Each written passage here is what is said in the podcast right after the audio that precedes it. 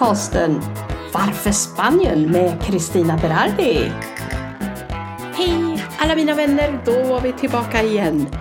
Ja, hörni, jag tänker tillbaka på den tiden när jag bodde i Sandviken och många av mina före detta kollegor, när de pensionerar sig så börjar de jobba med Röda Korset eller eh, Rädda Barnen eller eh, någonting sånt här.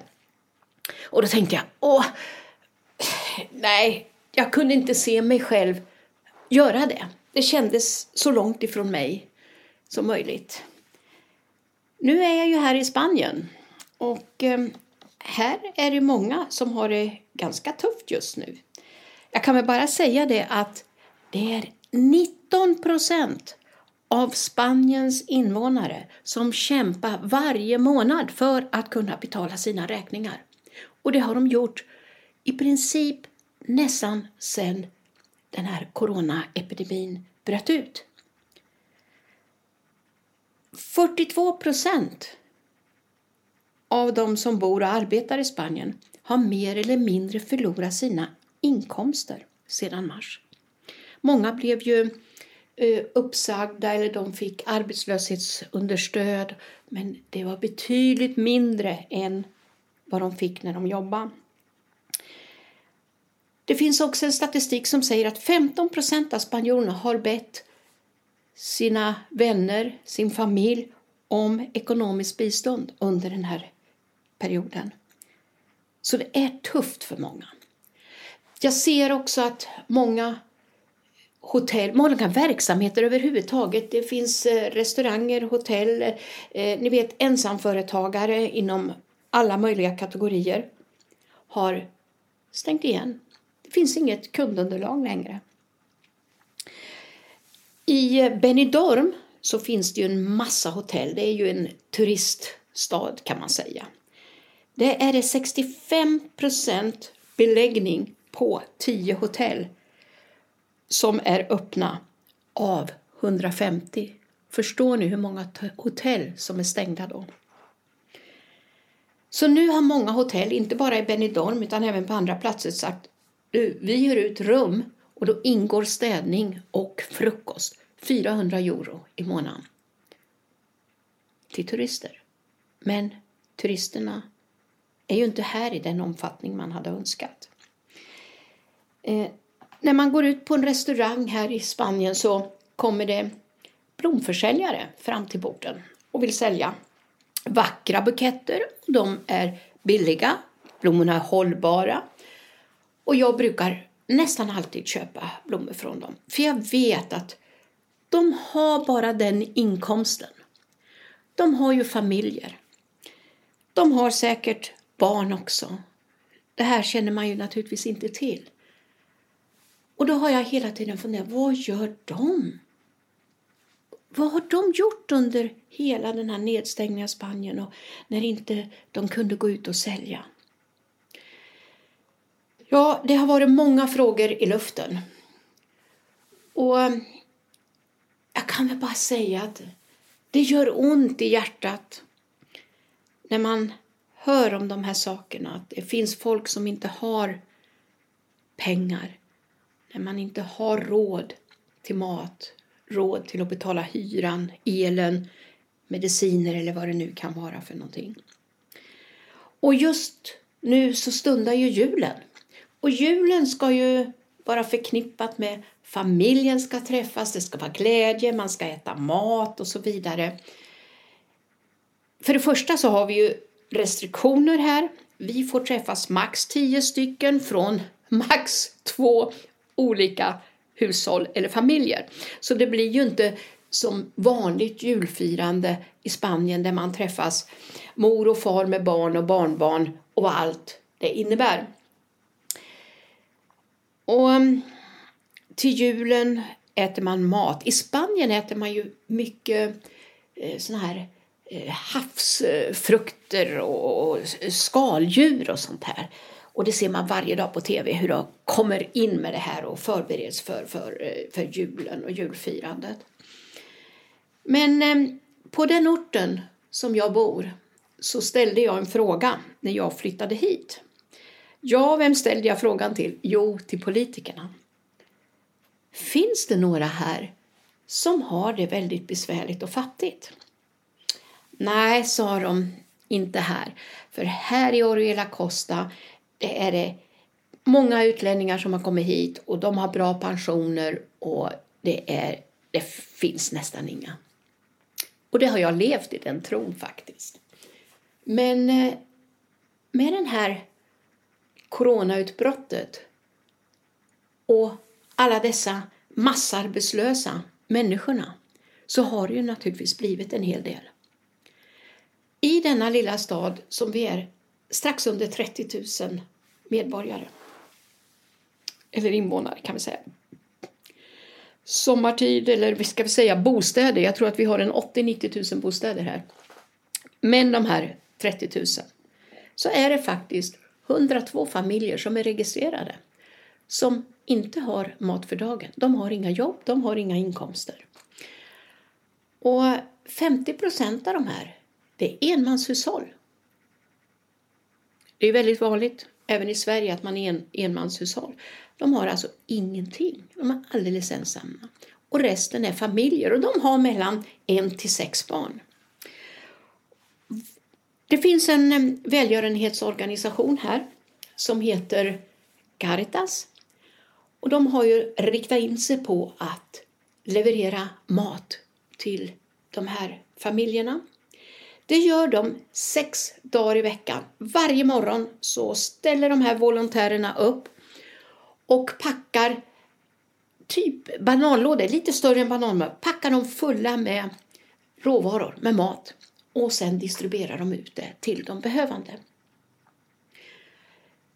Maten är ju viktig, men det är också viktigt att betala sin hyra.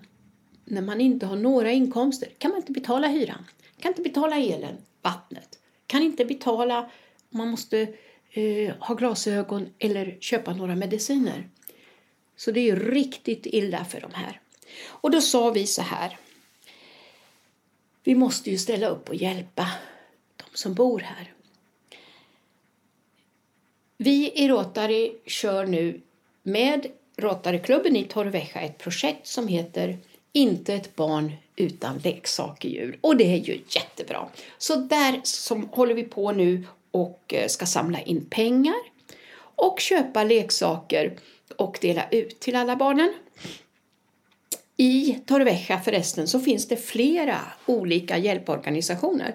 Och det är va varje förening som har registrerade eh, bidragstagare kan man säga som de har fått ifrån kommunen. Så det går inte för, för, för någon som inte har några jobb att gå först till den här eh, föreningen och få hjälp och sen går man till en annan och får hjälp. Utan det är bara de som är registrerade som får hjälpen. Och där kan de få tillagad mat varje dag. Och man kan också få matpaket med sig hem, även råvaror. Här i Orrela Costa finns inte den möjligheten att få lagad mat utan det är de här stora eh, banankartongerna som man då levererar hem. Och det är ju bra det. Och det är klart, det kostar pengar och man är ju beroende av alla möjliga bidrag och allmosor och donationer från oss som bor här. Och nu till julen, då sa vi det är väl klart att våra barn i Oriela Costa också ska få julklappar. Det är väl en självklarhet, tyckte vi. Så mm, nu är det faktiskt så att eh, det finns en affär som heter El Corte Inglés som har donerat julklappar till barnen. Och det är ju fantastiskt. För att vi måste leverera nya julklappar. Vi kan inte ta gamla begagnade julklappar. Dels för att det kan upplevas negativt av den som får. Men framför allt, det måste rengöras, desinficeras och så vidare. Och det här är en stor apparat. Så det vi gör nu, vi kommer att ta emot de här julklapparna. Vi har fått in all information om hur många flickor och pojkar det finns i varje åldersgrupp. Och så får vi se med de julklappar vi har och se om det är någon åldersgrupp där vi saknar en julklapp till. Då får vi komplettera och gå ut och handla. Sen eh, här i Spanien så ges ju julklapparna den 6 januari. Det är då de tre vise männen kommer och levererar julklappar. Så nu har eh, Caritas här sagt till oss att eh, vi vill gärna att ni levererar dem 30 december. Och då har de visat ett förråd invid kyrkan som eh, var en lite, lite bråtig. De sa det här kommer vi att städa ut, vi kommer att sätta upp hyllor här och så när ni kommer, då är hyllorna på plats, så lägger vi upp alla julklapparna här. Och så ska de dela ut det till den 6 januari. Och, sa vi, de pengar som vi får in, vi köper inte något mer. För varför ska barnen få två, tre, fyra julklappar om vi får in pengar från donatorer? Nej, då går pengarna till att vi för över dem till Caritas så att de kan köpa den erforderliga maten. Eller hjälpa till med det övriga som jag nyss nämnde. Och det tycker vi är en fantastiskt god idé. Så den 30 december då kommer vi överlämna både julklapparna och en sån här, ni vet en symbolisk check, sån här jättestor, där det står hur mycket pengar som vi donerar. Och jag tycker det är så fantastiskt att vi här i Oriela Costa kan enas om och ge till dem som inte har någonting. Jag önskar att varenda barn kan få se glädjen i julen och se fram till att få sin lilla beskärda del. Det vore ju underbart. Och det vi också lär oss under den här tiden när vi har börjat samarbetet med Caritas det är att vi lär känna dem och de lär känna oss. För det handlar ju om ett ömsesidigt förtroende och det kommer förmodligen att vara många projekt i framtiden också som vi behöver jobba tillsammans. Och då har vi redan de här öppna linjerna kan vi säga.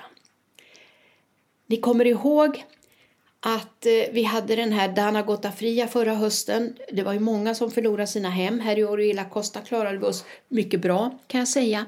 Men även då var det ett stort behov. Och då hade vi inte den här möjligheten att gå in och hjälpa.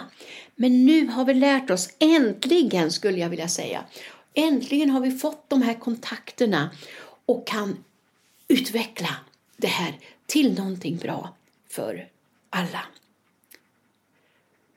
Och hur tänker du kring julen?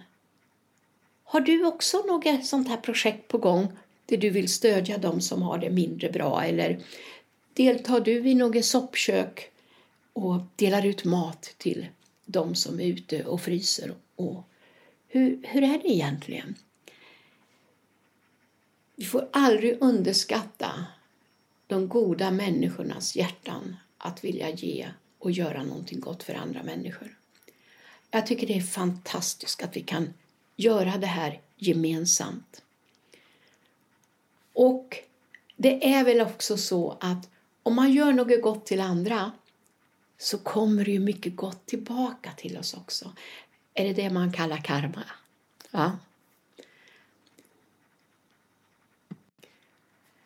När vi nu ska överlämna de här julklapparna så är det faktiskt så att det är inte bara att komma dit och lämna dem. Vi kan, de är nya och vi kanske säger att ja, men vi kan desinficera dem och lämna dem. Men jag skulle gråta blod om det skulle vara så att en enda person skulle kunna härleda och säga det kom från julklapparna som eh, Rotary Oriela Costa International har lämnat. Det går ju inte. Så allting är faktiskt så här just nu i Spanien. Att ska man överlämna någonting, ska man donera någonting, då måste man skriva på ett dokument att man tar ansvaret för det. Och det här vet alla att så är det som gäller.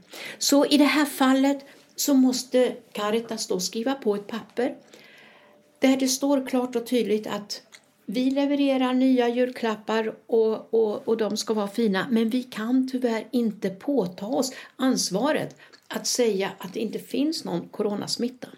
Så den delen måste de ta på sig och det har ju de förstått att så är det. För vi vill ju inte. Sen när vi lämnar dem där, då lämnar vi inte dem förpackade utan vi lämnar dem öppna så kan de desinficera de här och göra det som de vet är det bästa med dem. Så i år är det inte en vanlig jul för någon. Eh, och jag tror att det är så här på många ställen, inte bara i Spanien utan även i andra länder, att man är väldigt, väldigt försiktig och därför måste man vidta de här försiktighetsåtgärderna. Och det gör vi ju. Vi gör ju det här av ett eh, gott hjärta och vill ju glädja så många som möjligt. Naturligtvis när man är barn då är ju den stora glädjen också i att öppna paket. Och om vi nu lämnar dem icke packade, icke inpaketerade, hur säger man? ja, då blir det ju inte så spännande.